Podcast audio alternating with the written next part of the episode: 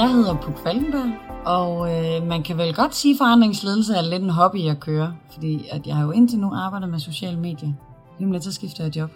Bliver rådgiver hos Blogger Østergaard. Og skal bruge mere forandringsledelse, så bliver det jo mit arbejde. Det er lidt relateret til dagens episode, kan man sige. Mm.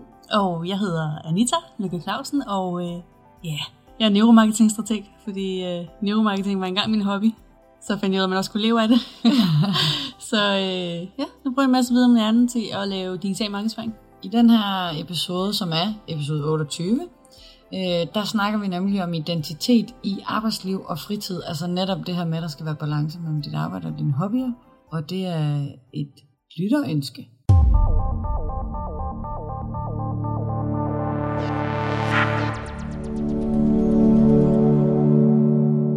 Du haft en god ferie, Puk? Jeg har set hver eneste klippe af Bornholm nu. Ja, Og øh, det kan man jo også sige er en bedrift i sig selv. det er det da. Som en anden Columbus. Eller?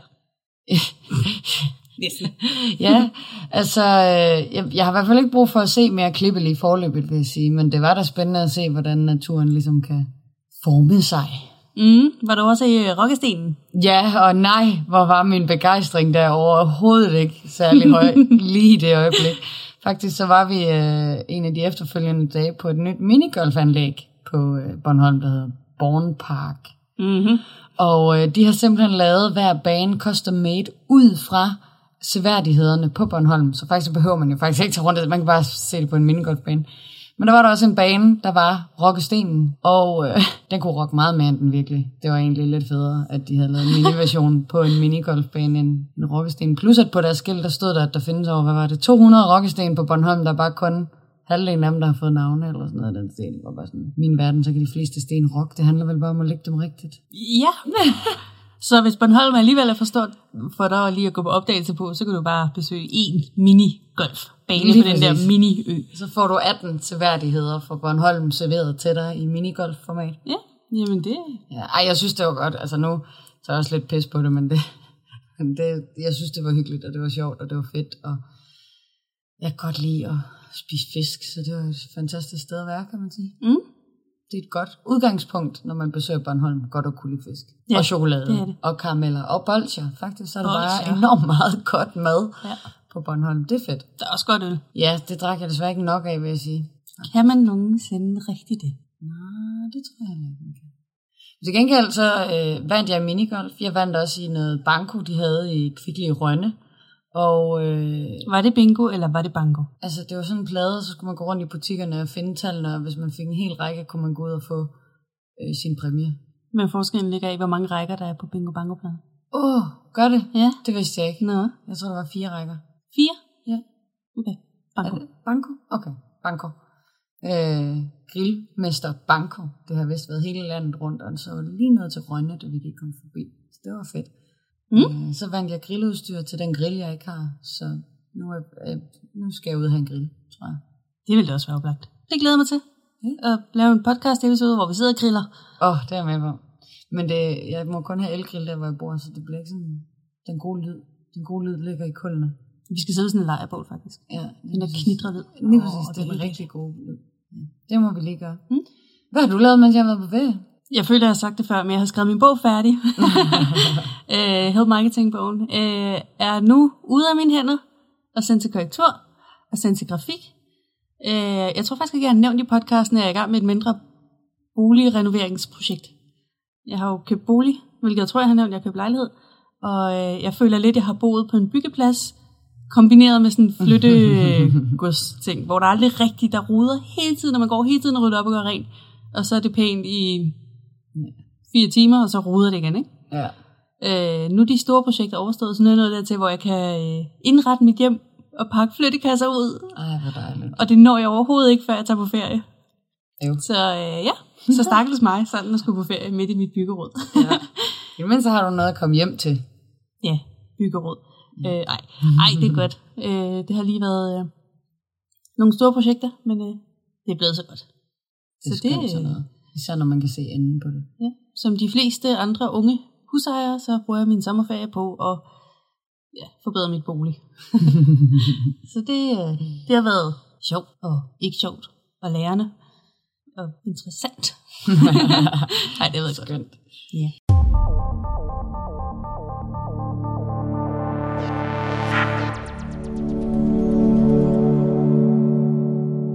Men øh, i princippet, så kan man jo måske udlede lidt øh, af det, vi lige har snakket om i forhold til dagens episode. Mm. Fordi at det er jo egentlig Johanne, en af vores lytter, Johanne Lacour. ja, hvis det er sådan, man siger det. Det er sådan, jeg siger det. Du må lige give os et heads up, Johanne.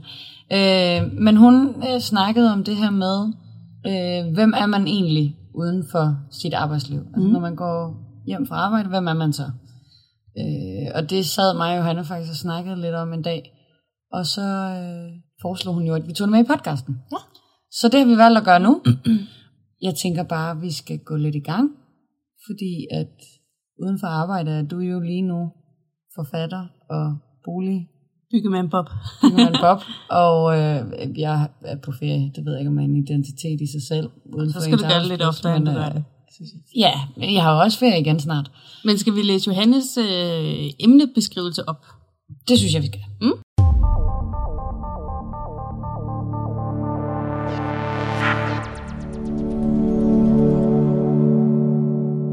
Hun skriver, at det vel egentlig handler om identitet, hvem man er uden for arbejdspladsen. At der er rigtig mange i dag, der ligger deres identitet i deres arbejde, og det er jo egentlig er lidt skrøbeligt, for hvem man, er man så, hvis man mister sit arbejde.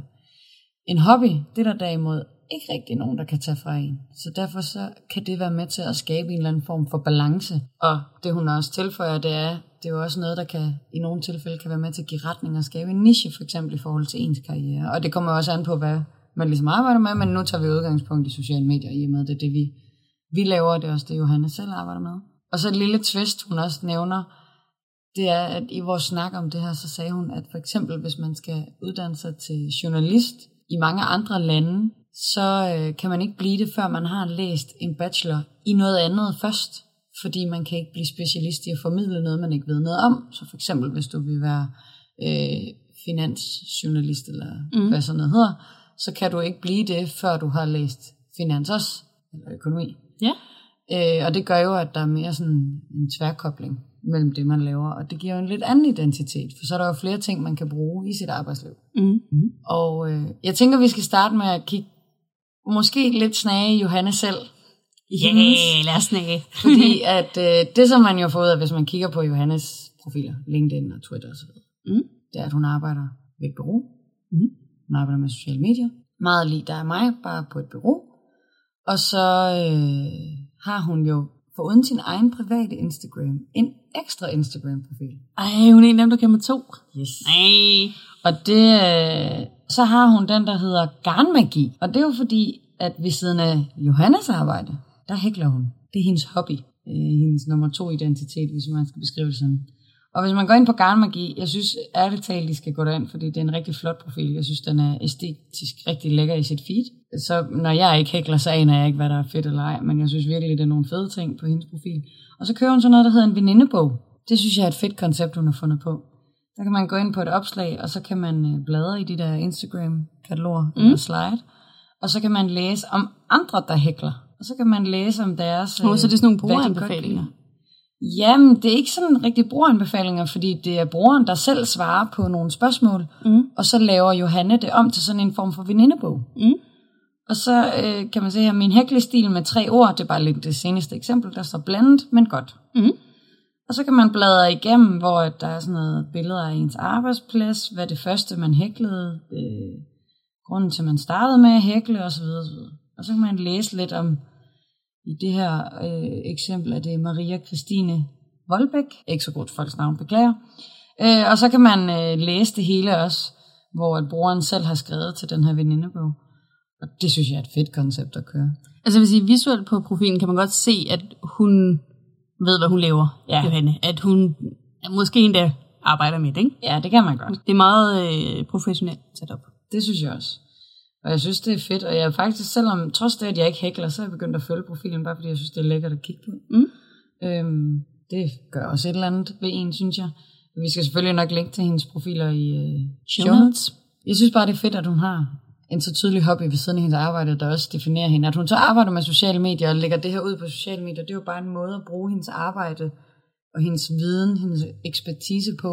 Og jeg tror da også, det er noget, som fremtidige arbejdsgiver vil sige, okay, hende der, hun arbejder med sociale medier, og hun har faktisk det her community, hun selv har skabt omkring det at hækle.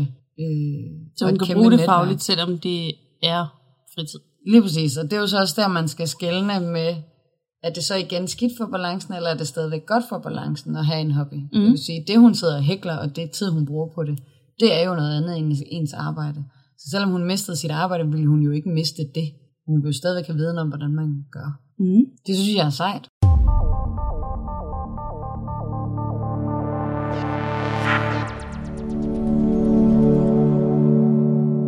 Efter jeg snakkede med Johanna, så har jeg lidt gået selv og tænkt over, hvad fanden jeg har af hobby, som ligesom kan differentiere mig mm. på en eller anden måde.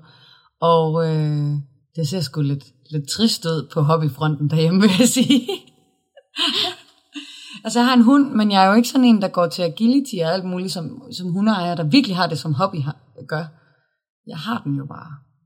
det, Det hygger Ja. mig bare. ja.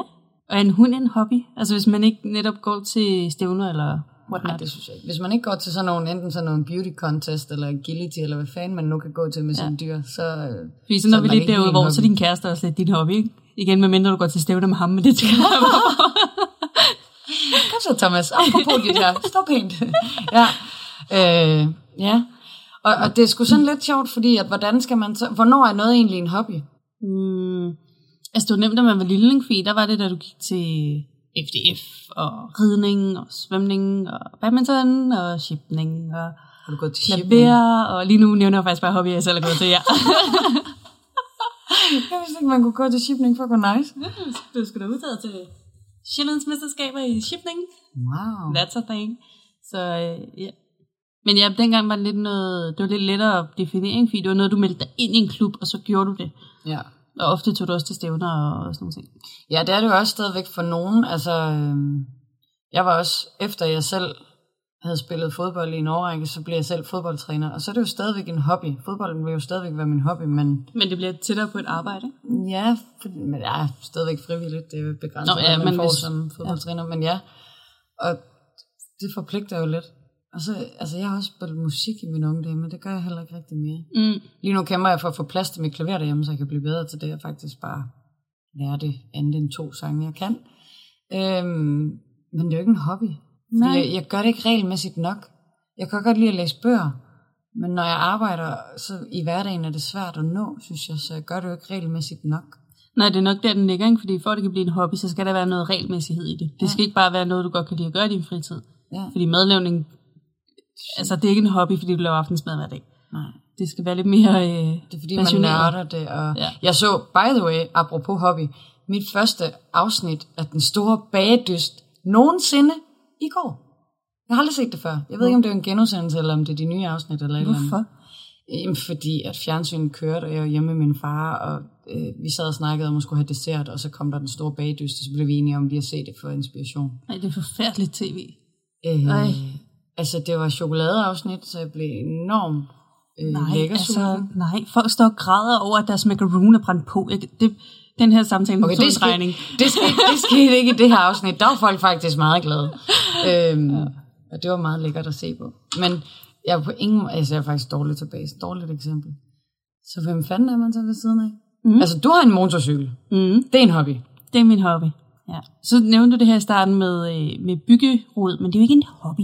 Altså hvis jeg var sådan en, der, du ved, købte et hus, satte det i stand, solgte det, købte et nyt hus, satte det i stand, og du ved, der er folk, ja. Der lever sådan. Mm. Så vil vi måske ukalde en hobby. Men det er jo ikke, det er jo bare, det er jo nærmere nød lige nu og her. Altså jeg har jo reddet min stue ned, så bliver jeg nødt til at bygge den om igen, for jeg kan være der. Du. Men ikke, jeg er ikke øh, handy woman i min fritid, altså som hobby. Nej. Altså, så kan man måske også tale om midlertidige hobby, hobbies, mm. eller hobbyprojekter, som ja. der er noget, der hedder, i stedet for. Ja. Altså så spørgsmålet er også om, øh, om vores træning er en hobby. Det kommer måske igen an på, hvor meget man ligger i det. Ja, altså det tror jeg bestemt for nogle af, altså dem der går til fitnesskonkurrencer og så videre, der er det jo en hobby for dem, der er en, altså, men hvornår bliver det så en livsstil? hvad er definitionen fra at gå fra noget, man gør en gang imellem, til at være en hobby, til at være en livsstil? Ja, men en hobby kan vel også godt være en livsstil. Det bliver meget filosofisk nu. Jamen, det gør det. Det gør det. Altså, øh, umiddelbart, så synes jeg jo, at det at træne en gang imellem, og gøre det lidt af pligt, fordi Mm. det er sgu meget smart lige at holde sig lidt sund. Det er jo langt fra en livsstil. Det emmer jo ikke af, at man nyder det. Men at træne fast og nyde det, og gerne ville det, og også sætter sig nye mål, løber nye halvmarathons, mm. eller går til mountainbike, eller whatever, så bliver det jo hobbies. Ja. ja, det vil jeg også sige. Så det, så er det hobbyniveau. Men det der med, at man har et medlemskab i Fitness World, der kommer en gang om ugen, hvis man er heldig, Ja. that's not a hobby. Jeg tror, jeg er rigtig god til at dræbe mine hobbyer. Fordi ja. øh, jeg er sådan en type, jeg er sådan en entusiastisk type, ikke? Så hvis der er noget, som er rigtig sjovt, så dyrker jeg det virkelig, virkelig meget. Mm. Så, som vi kommer ind på lige om lidt, øh, arbejde er også min hobby, øh, når jeg bruger min fritid på det. Og det har jeg med årene taget så meget tid, så alle de hobbyer, jeg havde før, dem har jeg ikke tid til nu. øh, så, så på den måde så er der mange hobbyer for mig, som er døde eller ned- nedprioriteret, eller det er sådan nogle, jeg en dag skal have tid til igen, men en dag er bare meget langt ude i fremtiden, ikke? Ja.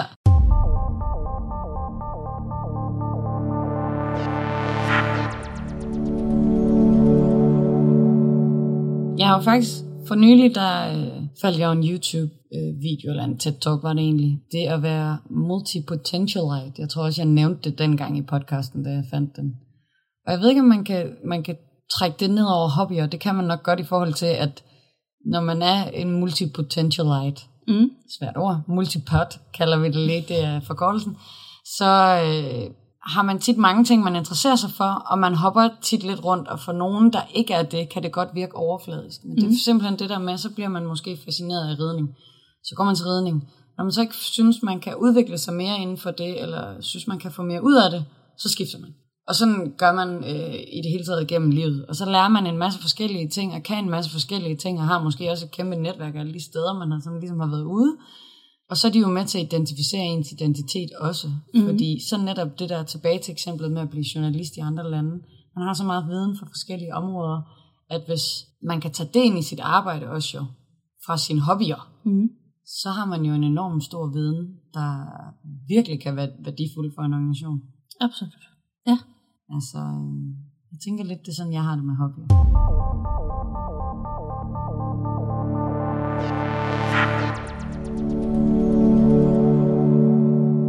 Men jeg tror måske også, at vi lige går igennem nogle år i livet, hvor det går op for os, at voksne mennesker har ikke 14 hobbyer, som 14-årige piger har. Nej, nok ikke. Primært fordi 8 timer om dagen, der har, altså det skal vi bruge på noget andet. Ja, altså jeg, jeg kan huske, øhm, altså jeg kan huske, da jeg var lille, så ville min mor rigtig gerne have en hest. Det havde hun haft som ung også, og hun ville gerne tilbage ride. Mm.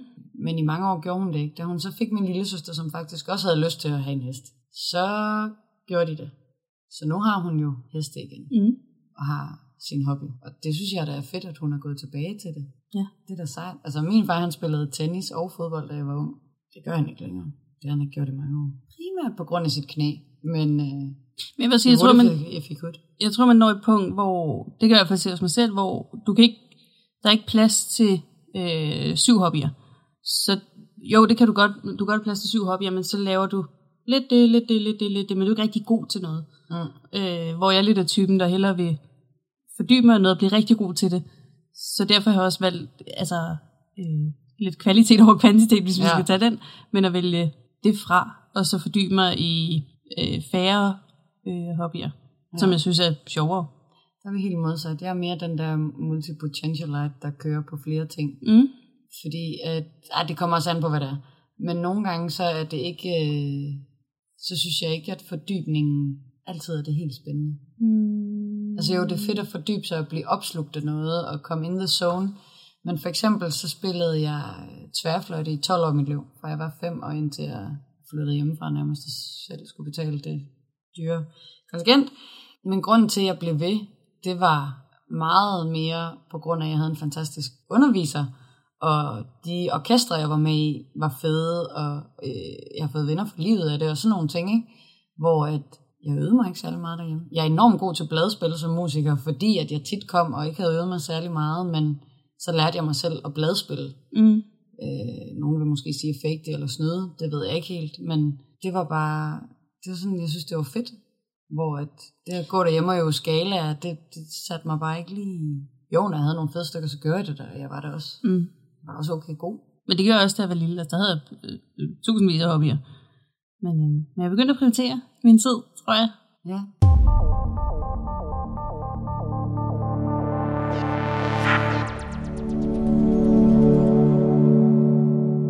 Altså, øh, to ting popper sådan ind i mit hoved. For det første er den der tanke om, at skal man være god til alt det, man rører ved?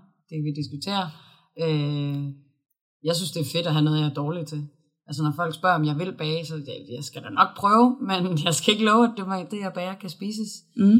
Øh, du har selv set, hvordan jeg har slået mine egne planter ihjel.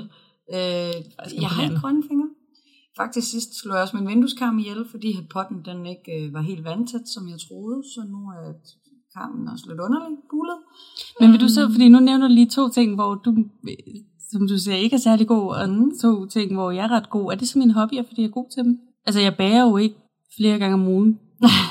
jeg vander heller ikke mine blomster flere gange om ugen, men Nej, men du går op i dine planter, har det godt, og jeg har hørt dig sige frasen med det der med, at noget skal klippes af og i en ny pot eller stå selv, fordi at den er blevet for... Jeg ved ikke engang, hvad begreber du siger, når du siger det. Du siger bare noget, og så tænker jeg, okay. øh, okay, Så- hvornår kan du komme og fikse det? så jeg vil da sige, jeg vil da sige, at ja, det kan da, jeg, jeg vil da faktisk sige, at det er dine planter, det kan godt være din hobby, det er bare ikke på særligt stort plan, men du ved, hvad du gør, og du gør det jo regelmæssigt, og du klipper dem ned, når de skal klippes ned, og planter dem om, når de skal, og sådan noget. Altså mine, de står i de samme potter, som jeg købte dem. Jeg har købt en pose muld, fordi jeg fik at vide, at det skulle jeg, men jeg har ikke gjort noget ved det endnu. Vi kan lave en øh, bage- og plantedag. Det synes jeg bestemt, vi skal. For jeg synes stadigvæk, men det er også det, det der er forskellen ligger, for jeg synes stadigvæk, det er sjovt at have planter og prøve mig frem. Mm. Men jeg har ingen intention om at fordybe mig i det, om at læse mere om det, og om at blive klogere på det. Det skal være, hvis du kommer en dag og siger, sådan her gør du, så vil jeg huske, hvordan du har lært mig det der, og så vil jeg gøre sådan fremadrettet. og hvis det er så forkert på nogle typer planter, så vil jeg jo så bare fuck dem op også.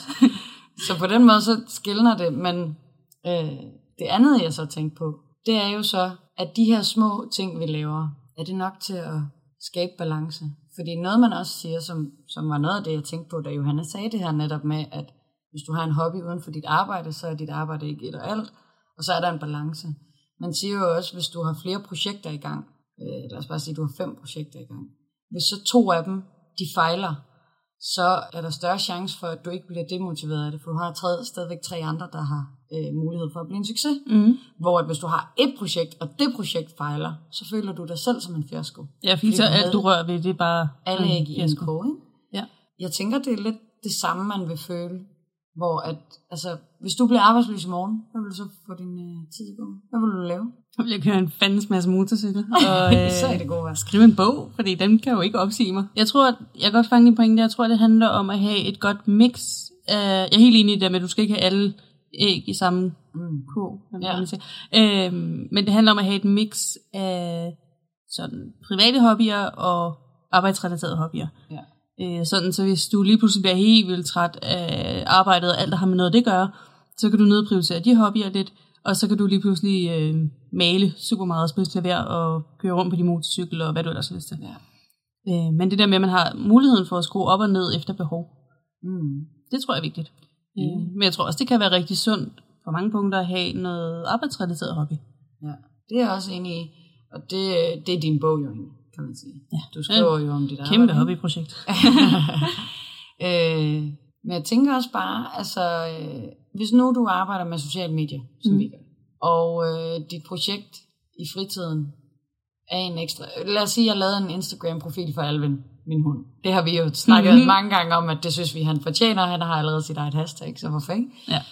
Øhm, hvis jeg så gør det, og jeg en dag øh, skifter arbejde, skifter branche, Mm. jeg ender med at stå nede i Aldi, vil det så måske ikke hænge mig lidt langt ud af halsen og skulle holde hans profil i live, fordi at det minder mig om, at jeg mistede mit job, eller et eller andet. Altså det er et skrøbeligt element af, hvad, hvad så, når du mister dit job? Jo, medmindre du så bruger den hobby aktivt til at få et nyt job. Jeg tænker, hvis nu det var Johanne, og hun øh, mistede sit job, mm. øh, så kan hun jo bruge sin hækleprofil aktivt til at finde et nyt. Fordi som du også sagde, hun står stærkere ved at kunne vise, at i hendes fritid, der kan hun skabe et community. Så overvej, hvad hun kan gøre 8 timer om dagen i fuldtidsjob. Ja, og det er helt rigtigt. øh, Nogle gange oplever man jo også bare det der med, at så skal man bare skifte væk fra det. Ikke? Mm. Og der tænker jeg, at det kan være farligt, at ens hobby er arbejdsrelateret. Men jeg tror også, det er smart at have arbejdsrelaterede hobbies igen, fordi det er det, der gør dig klogere. Det er jo fordi, du sidder og nørder bestemte ting, at Ja, man netop står stærkere. Ja. Og så giver det dig en frihed, som du ikke har, uanset hvilket fuldtidsjob du har. Øh, så hvis du er ansat igen til sociale medier, jamen, så kan du ikke nødvendigvis få lov til at sidde øh, i fem timer og nørde e-mail-markedsføring. Mm-mm. Fordi det er ikke en din arbejdsbeskrivelse, og det laver dine kollegaer, så der er ikke nogen grund til, at du sidder og sætter dig ind i det. Mm-mm. Men hvis du har det på hobbybasis af en eller anden form, enten fordi du skriver en bog, eller har din egen virksomhed, eller hvad ellers det kunne være, så har du mulighed for at dyrke den del af din hobby, som jo stadig er altså overordnet set digital markedsføring, men det er bare en gren, som du ikke kan dyrke i dit job som social dimmer.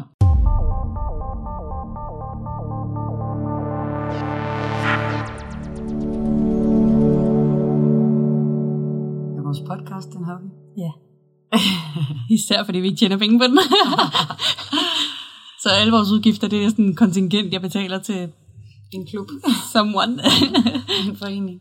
Ja, det er det vel egentlig også. Jeg havde med med nørdet meget lyd med alle de problemer, vi har haft. Mm, ja, det lige vi trykkede optag, så fik du sagt et eller andet. Habba habba det, habba det, hvor jeg tænkte, mm, okay, det havde ikke været et ord, men fint.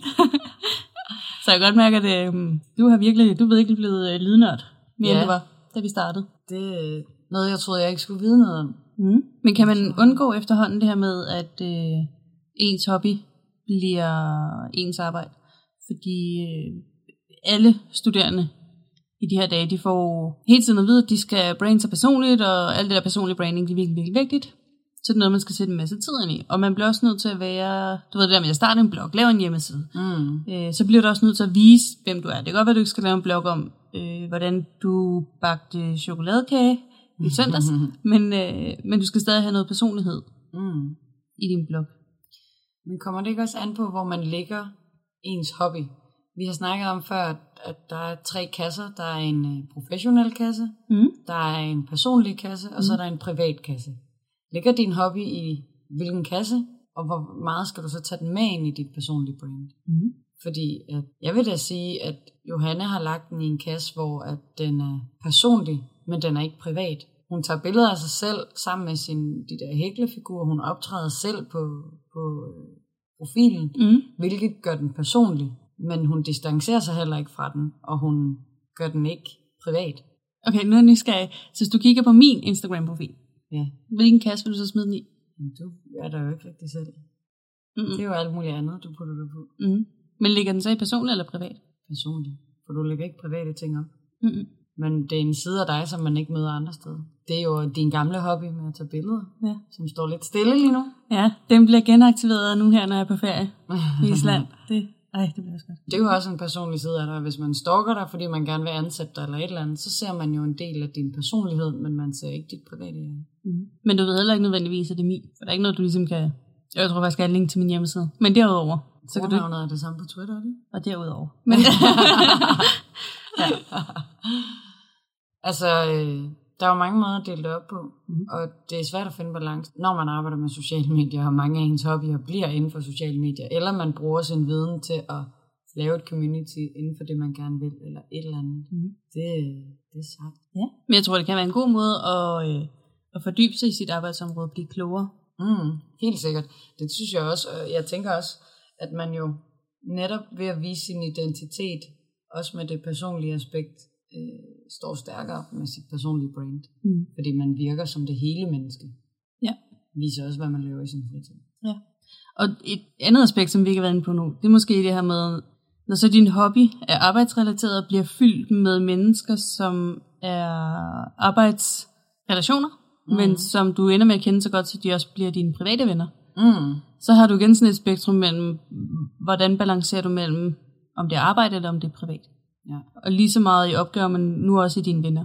Og det er jo også igen, hvordan man skældner, fordi der er jo nogen, der går på arbejde med den mission, bare at gå på arbejde og ikke få venner, mm. Og ikke skabe nogle relationer, og bare gå hjem og så Ja. lave deres hobby, bage en kage til dysten, eller et eller andet, ikke? Og det skal der jo også bare være plads til, og hvis man har brug for sådan en skarp opdeling, så skal man jo bare gøre det. Som vi har sagt mange gange før, så er det jo bare sværere, når man altid er online, Mm. og man arbejder med online. Men til gengæld så er de færreste, der vil tage på ferie med deres kollegaer. Ikke? Altså nu har jeg været på ferie med Erik, og vi er kollegaer, og det var sådan en arbejdsferie, men vi tog afsted, fordi vi er venner. Ja. Så vi kunne rent faktisk holde hinanden ud på en ferie. ja, ja. Det er vigtigt, man også kan. Mm. Men så bliver det også bare en balance mellem, øh, lige så meget i bogprojektet, det laver vi jo, fordi øh, vi er venner i høj grad, så derfor kan vi også tillade os at skrive til hinanden om bogen klokken 3 om natten, og du ved, 24 timer i døgnet, Ja, ja, ja. som en kollega ikke lige nødvendigvis vil gøre. Mm. Om ikke andet, så vil personen være lagt i en eller anden mailindbakke, hvor man kan forholde sig til, Ja, når man ja. har lyst. Ikke? Præcis. Men det gør man jo ikke med sine venner. Øh, så ja, det er jo også en balance. Der skulle man måske også have en eller anden øh, forventningsafstemning med, hey, kan vi to blive enige om, Puk, at vi ikke snakker fagligt efter klokken 18? Ja. Jeg tror bare, man skal være opmærksom på at finde en balance, og sætte de øh, rammer, som man har behov for. Ja, det tror jeg også. Og jeg tror lidt, at efter jeg har gået og tænkt meget over det her, jeg tror, jeg skal have fundet mig en eller anden, en eller anden hobby, som kan være kan fylde lidt mere end alle de forskellige ting, jeg har lavet nu. Mm. Men jeg synes også, det har været svært, når jeg har pendlet så mange dage til Aarhus og faret land og rige rundt. Så er det sgu svært at finde en hobby, man sådan kan hive op af skuffen eller tage til, hvis På man den anden er side, altså hvis du hæklede, ikke? nu har jeg jo også ja. hæklet, faktisk. Øh, så det var også en hobby for mig engang. Mhm. Øh, så hvis nu du hæklede, så skulle du gøre, uanset hvor meget du fes og farve rundt i landet. Nej, jeg vil våge påstå, at det er en dårlig idé at hækle, når du kører bil. Åh oh, jo, okay, okay. Men, men ja. ja, jeg tror, jeg skal have fundet mig et eller andet. Idéer til hobby og søs, tror jeg. Ja. Hmm. Selvfølgelig, når jeg engang får mit klaver, så bliver det jo en hobby. Men indtil da, Så synes jeg bare, du skal have en motorcykel. Godt, og med det vedtaget, så...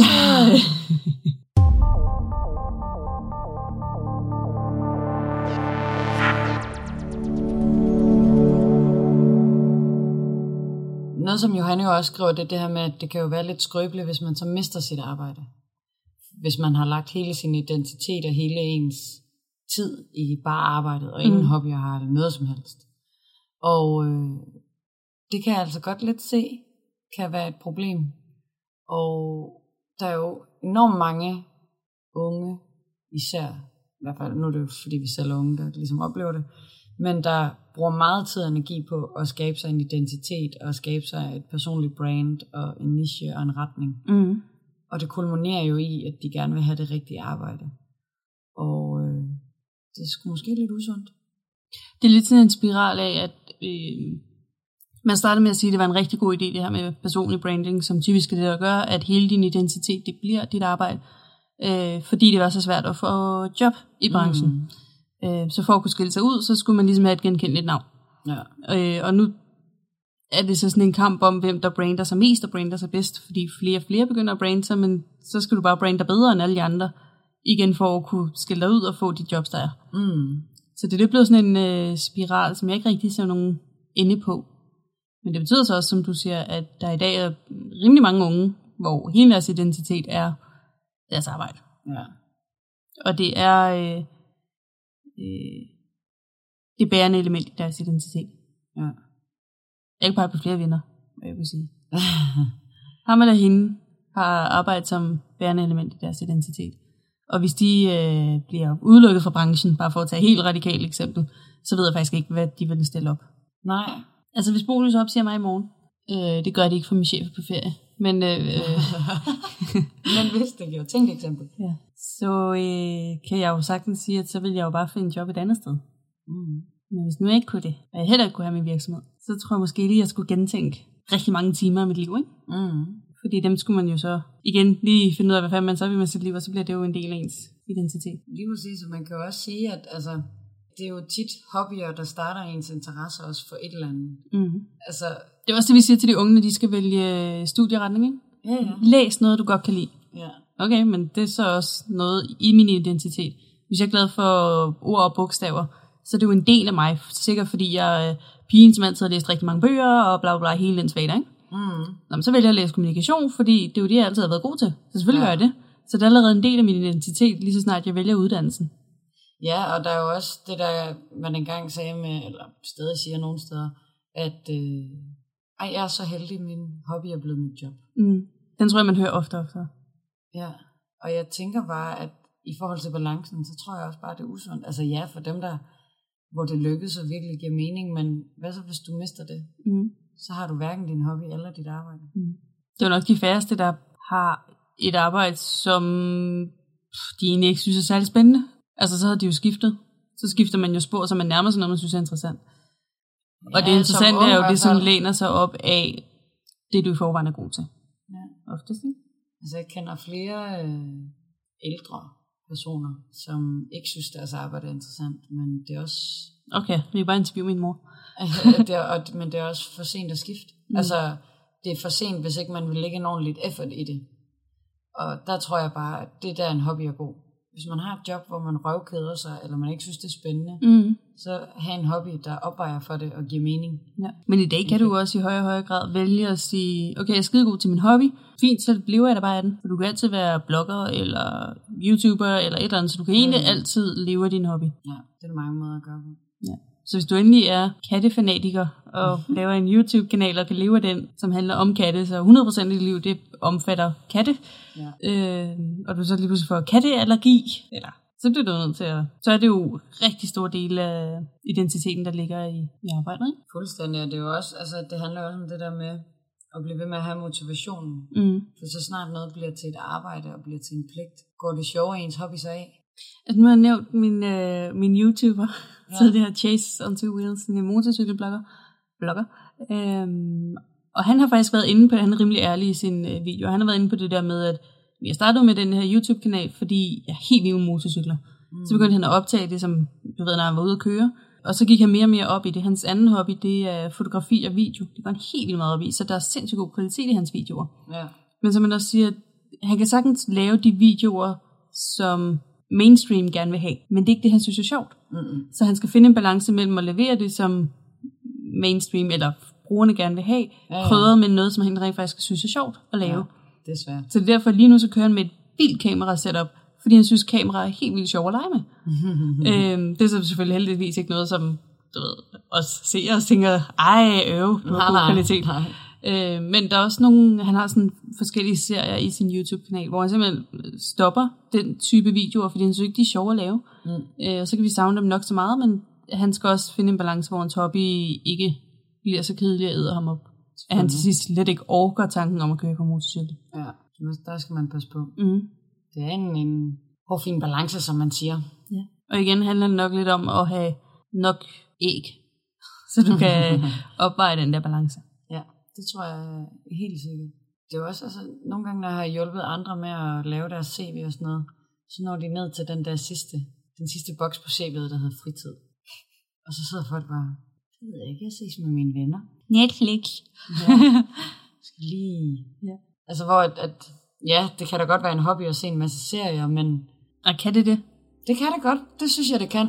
Hvis man også går op i det, og man anmelder det, og man Ja, okay, snakker okay. okay. om det på forums, og man går op i at gøre det ordentligt, have et lækkert setup, så man virkelig ser serier, når mm. man er dedikeret til det, så synes jeg faktisk, men hvis du bare sidder og binge-watcher fra en ende til en anden hjemme i din sofa, så nej, så synes jeg ikke, det er hobby. Nu snakker vi om det der med øh, frekvens. Ja. Og så kommer jeg til at tænke på, at vi står begge to på ski. Ja. Altså, det er min hobby. Ja, Jeg gør det kun to gange om året. Men Ja. det er min hobby. det er også øh, min hobby, men jeg har ikke udøvet den i faktisk to år. Nej, det er en fejl, vi skal rette op på til vinter. Helt sikkert. Men vi har jo eget udstyr, og jeg tror måske også, det er en del af det der med, når du investerer i det. Ja, Om det så er med tid eller penge eller noget andet. Mm, det tror jeg rigtigt. Når man begynder at købe det rigtige udstyr og gå op i det. Ja. Så det næste, jeg køber til min have, det er ordentlige skovle og river. Eller til mine potter. Jeg har ikke nogen have. Det lyder godt. du har kun fliser i din have. ja, til potterne. Jeg ved ikke, hvad man skal bruge.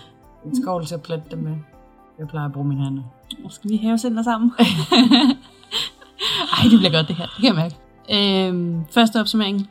Øh, lad være med at samle dine æg i En 1K. Sørg for at have... Det er fint at have arbejdsrelaterede hobbyer, og sørg for at have nogle private hobbyer også. Mm. Eller personlige hobbyer. Så du kan øh, give og tage efter behov. Mix og match. Mm. Det var jo netop for balancens skyld. Ja. Stressens skyld. Mm. Øh, det var det for denne gang. Ja. Vi er tilbage om 14 dage. Det er vi i hvert fald. Så øh, tune ind om 14 dage igen. Og ellers indtil da, så øh, indhent nogle gamle episoder, hvis du mangler nogle af dem. Mm. Eller gå ind og anmelde os i iTunes. Yay. Eller del nogle in- interessante episoder med venner, du synes lige mangler det boost. Mm. Øhm, og så ellers bare nyd august. Ja.